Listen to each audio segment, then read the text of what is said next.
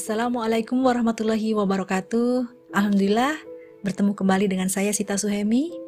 Kali ini kita akan bahas sebuah tulisan dari Maya Rohma ya teman saya ya yang berjudul Pahala Tanpa Batas.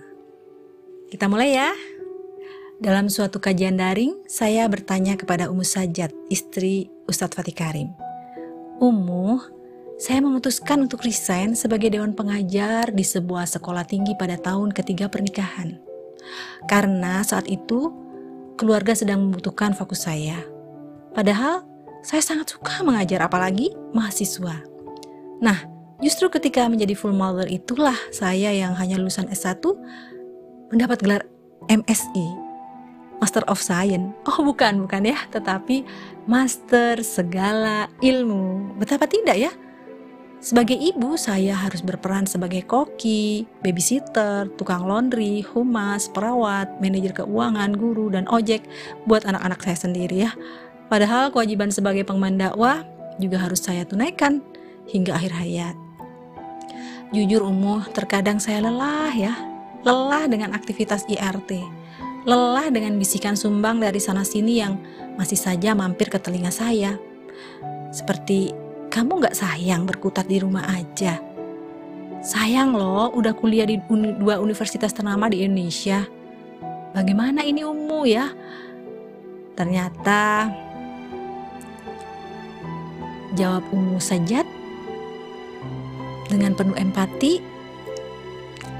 Saya ringkaskan, Masya Allah Mbak Maya jasa gila khair sudah memberi saya wawasan baru soal MSI tadi, Master Segala Ilmu.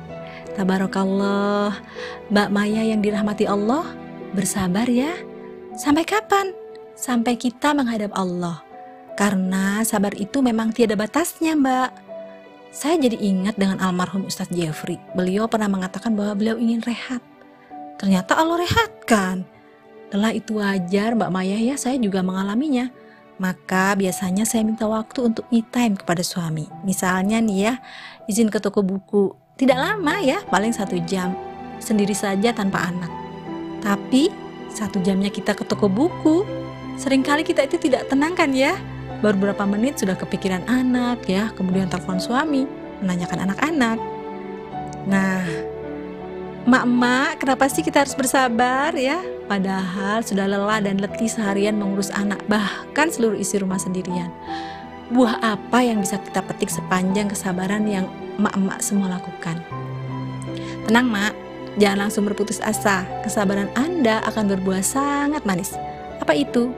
Dalam Al-Quran, Allah berfirman yang artinya, Katakanlah Muhammad, Wahai hamba-hambaku yang beriman, bertakwalah kepada Tuhan. Bagi orang-orang yang berbuat baik di dunia ini akan memperoleh kebaikan. Dan bagi Allah itu luas, hanya orang-orang yang bersabarlah yang disempurnakan pahalanya tanpa batas. Az-Zumar ayat 10.